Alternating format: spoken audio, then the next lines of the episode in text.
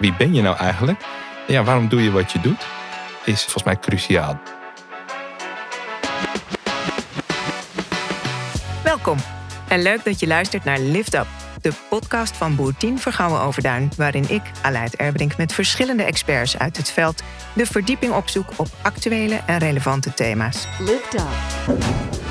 Stap in de lift en ga vandaag mee de diepte in op het thema verandermanagement. Dit doe ik in gesprek met Remco van den Berg, veranderaar, facilitator, teamcoach, individueel coach bij Common Senses.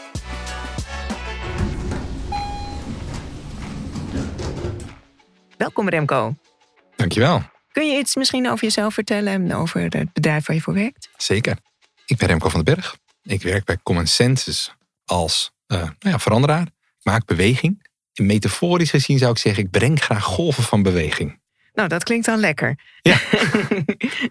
en hoe moet ik me dat voorstellen? Ja, wij staan als bureau voor het tot bloei brengen en het tot groei brengen van mensen en organisatie. En dat uh, betekent voor ons dat je mag zijn wie je bent. En dat betekent, uh, je hebt een rol, uh, maar dat is niet automatisch wie je bent. dus Nee. die zoektocht naar wie ben je nou? Nou ja, die faciliteren wij graag. Ja, en als je het woord veranderaar, betekent dat dan dat je eh, jezelf, eh, dat je zelf verandert of dat je anderen eh, verandert? Nou, anderen veranderen, dat weet ik niet. Maar het inspireren tot wat heb jij te doen in je organisatie. En je plek vinden waarmee je zeg maar, de beweging met elkaar kunt maken. Die bijdraagt aan de bedoeling van de organisatie.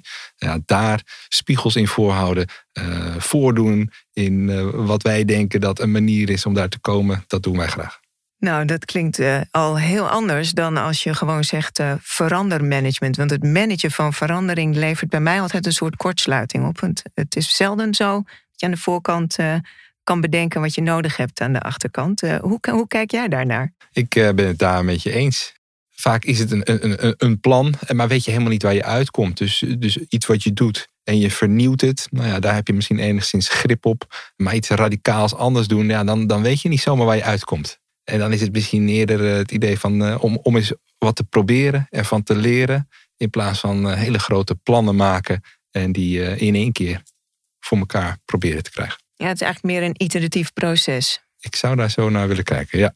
Zie jij op dit moment ook een, een rode draad in veranderingen waar organisaties mee bezig zijn? Ja, ik denk die nou, in, in deze tijden van vrij ja, complexe verbindingen tussen elkaar krijg je steeds meer stakeholders en steeds meer ja, belangen en perspectieven waar je rekening mee houdt om te kunnen veranderen. Ja, en dan, gebruik ik toch het woord managen. Eh, ja, hoe manage je nou eigenlijk al, dat al die, eh, eh, die stemmen eh, gehoord worden en gezien worden en je eigenlijk met elkaar de kant op gaat ja, die leidt tot de bedoeling. Ja, daarmee is het eigenlijk ook wel een stuk complexer geworden, omdat er veel meer touwtjes aan vast lijken te zitten. Ja, ja, precies. Wat zijn dan belangrijke eh, valkuilen waarvan je merkt dat organisaties daarin vallen? Ehm, nou, wij hebben als, eh, als focus het onderwijs, als Common Senses. En eh, wat we daarin zien is dat je vanuit ja, visie niet met een aantal hele grote plannen een stuk verder komt. Dus het is toch gewoon doen, doen, doen. Dat is toch wel een soort mantra. Ja, ja. Ja.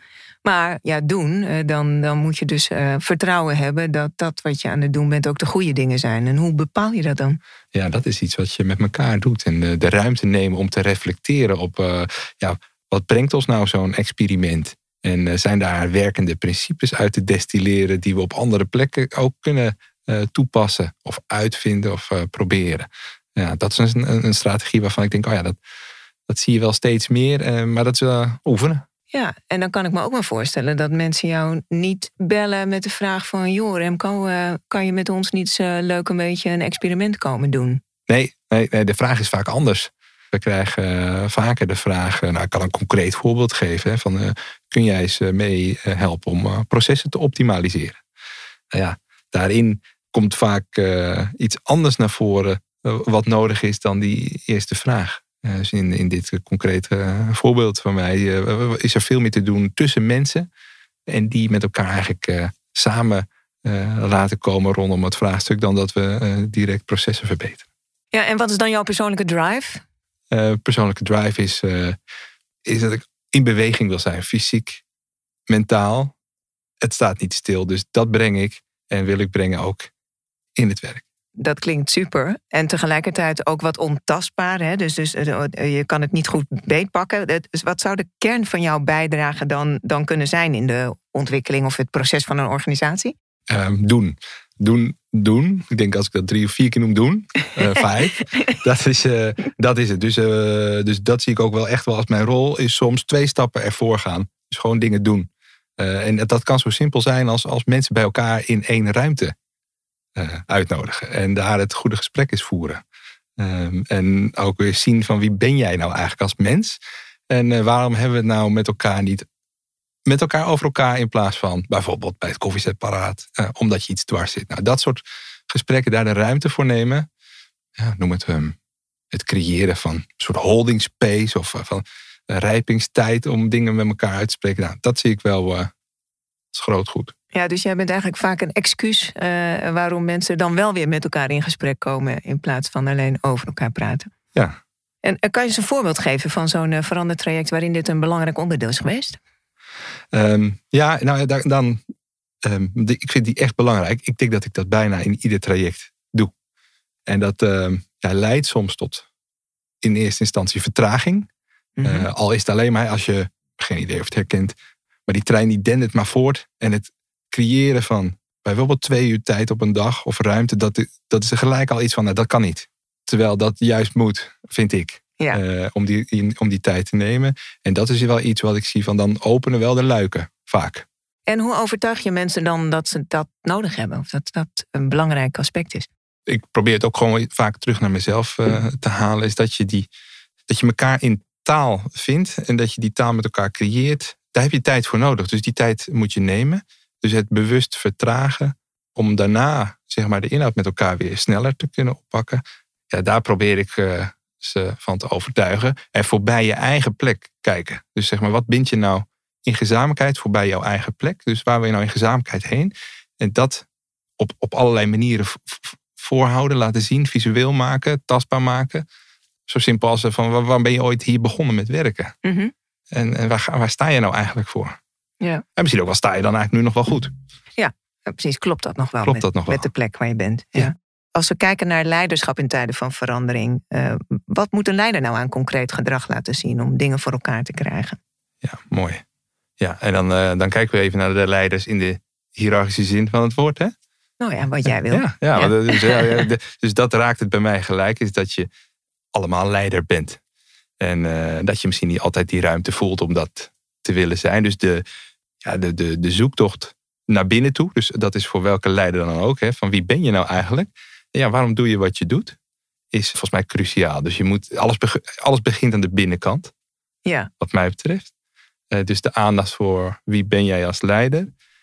De ruimte bieden om jouw collega's uh, die zoektocht ook aan te gaan. Dus de ruimte om mensen en het potentieel wat mensen hebben, om daar zeg maar, om hen te raken, denk ik, super belangrijk. Mm -hmm. Dus waarom ben jij hier? Voor al deze individuen is het van belang om aangesloten te zijn op wie zij zijn en om dat ook op één lijn te brengen met wat ze te doen hebben. Ja, precies. En als, als leider, het, ja, het bouwen van collectieven is denk ik een heel belangrijke. Uh, dus de juiste perspectieven ja, in, in stelling brengen om die visie waar je met elkaar voor gaat. Dus het, het voorleven van die visie. Super belangrijk als leider. Dus het kunnen uitdragen van waar je voor staat. Je verbonden voelen met die ja. met die visie. Ja, het oprecht kunnen luisteren. Niet luisteren om te reageren. Meerdere waarheden kunnen erkennen. Mm -hmm. Dus er is niet jouw waarheid. Er zijn er meerdere. Daar heel goed naar kunnen luisteren. Ja, wat, in deze tijd, ik weet niet hoe jij dat ervaart. Maar in plaats van hoofd naar hoofd, van hart naar hart. Daar veel meer aandacht aan besteden. En dat, uh, nou ja, dat kan soms zijn dat je misschien als leider ook helemaal niet meer op de plek zit waar je zou moeten zitten. Wat is het meest uh, merkwaardige advies wat je gegeven hebt in, uh, in jouw carrière als veranderaar aan een leider? Merkwaardig advies. Ja, doe eens niets. Hou op. Hou eens op. op. Hou eens op. Doe eens niets. Ja, ja, ja. En hoe liep dat? Ja, volgens mij lastig. Dat is lastig. Aan de ene kant, ja, als je, wat ik daar nog, dus, dus daar zit een soort paradox voor mijn gevoel in uh, tempo maken. Dus je wil iets er doorheen krijgen. En je ziet in de praktijk dat dat gewoon anders moet of andere tijd nodig heeft. Nou, daar zit je volgens mij als leider ook wel eens in een soort een, eh, in een spagaat. En op tempo lopen. En wat wil je nou echt in beweging krijgen? Ja, en dan moet je schakelen. En dan moet je schakelen. Ja. Het is best een verwarrende tijd, hè? Ik denk het wel. En jij bent uh, natuurlijk al enige tijd uh, in de wereld van het veranderen actief. Uh, um, zou je de drie belangrijkste learnings die je hebt opgedaan in jouw periode van veranderen, zou je die eens met ons kunnen delen? Nou, ik denk dat ik zelf wel echt heb geleerd, is er gewoon zijn. Zonder iets te doen. Vrij ongemakkelijk voor mij. Er gewoon zijn. Zonder iets te doen is een interventie op zich.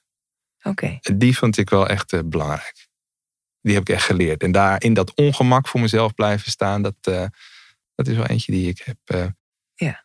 Een ander hele belangrijk is dat eigenlijk alles wat je doet is een interventie. Dat heb ik, mm, nou, besefte ik misschien in het begin niet. Het maken van een presentatie, het organiseren van een bijeenkomst, de manier waarop je mensen uitnodigt voor een bijeenkomst, de afwikkeling van een bijeenkomst, een check-in op een bijeenkomst, een check-out. Alles doet ertoe. Dus even de 90% eh, zit hem in de voorbereiding. Ja, dat heb ik wel echt geleerd. Dat, uh, het zit hem echt in details. Ja, het zijn eigenlijk twee mooie learnings. Eén is zijn, uh, waar een grote leegte ontstaat. En tweede is eigenlijk alles doet ertoe, waar eigenlijk een veelheid van dingen in zit. Ongelooflijk, ja. ja. ja, ja. Nog een derde? Uh, een derde, ja, dus eentje, dat is een eentje die bij mij altijd rondzinkt, is mensen ophalen in de taal die ze begrijpen. En daarmee denk ik dat. Uh... Nou, het ligt voor de hand voor mij om te vragen: wat bedoel je daarmee? Ja, ja, ja. ja. Dus jouw waarheid, of uh, uh, daar waar jij al bent, in, in het vergaren van informatie, in het zien van alle verbanden tussen inhoud en mensen, is niet iets wat iemand anders ziet. Daarnaast heb je andere culturen. Mensen komen vanuit andere plekken, andere opvoedingen. Dus continu checken of je begrepen wordt en of jij de ander begrijpt. En daar echt tijd voor nemen. Is, ja, dat is echt wel maar dat heb ik wel geleerd, dat, dat doet er echt toe. Ja, Remco, dan zijn we aan het eind gekomen van deze podcast. En aan het einde doen wij altijd een rapid fire. Dus houd je vast. Doe ik. In deze laatste ronde tikken we heel snel een aantal extra verdiepingen aan, zonder dat we eruit stappen. In de hoogste versnelling graag jouw korte reactie. Als de druk oploopt, waar val je dan op terug? Je gezonde verstand of je gevoel? Gevoel. Welk patroon is zo hardnekkig bij jou dat je er nog geen afstand van hebt kunnen nemen? Duidelijkheid krijgen. Wat werkt voor jou de als veranderaar het beste? Een leider met visie of een leider die bereid is in actie te komen? Een leider die bereid is in actie te komen. Welke beginnersfout had je jezelf en je opdrachtgever graag bespaard? Elkaar echt begrijpen aan de voorkant van een opdracht. Wat zou jij in jouw leven echt nooit willen veranderen? Durven spelen slotvraag, zou je nog kort op een van deze dingen willen ingaan om dat nader toe te lichten? Ja, ik denk de laatste. Zeker in, in de organisatieomgevingen. Van, uh, ja, vergeet niet dat je het ook gewoon leuk hebt. En je bent hier één keer uh, op de wereld. En, uh, en het is eigenlijk gewoon een één grote speelplaats. nou, fijn dat je de, deze tijd van spelen met ons hebt willen delen vandaag. Dit was een lift-up waarin we ons dit keer verdiend hebben in het thema verandermanagement beweging, groei, transitie, ontwikkeling, hoe we het ook maar willen duiden. Remco, eh, dank je wel dat je jouw ervaring op dit vlak met ons hebt willen delen. Graag gedaan. Wil jij jouw kennis en vaardigheden op het gebied van het realiseren van veranderingen op een hoger plan brengen? Bekijk dan eens ons aanbod op de website. Bij Boetien Vergouwen Overduin helpen we je graag verder. Bedankt voor het luisteren. Lift up.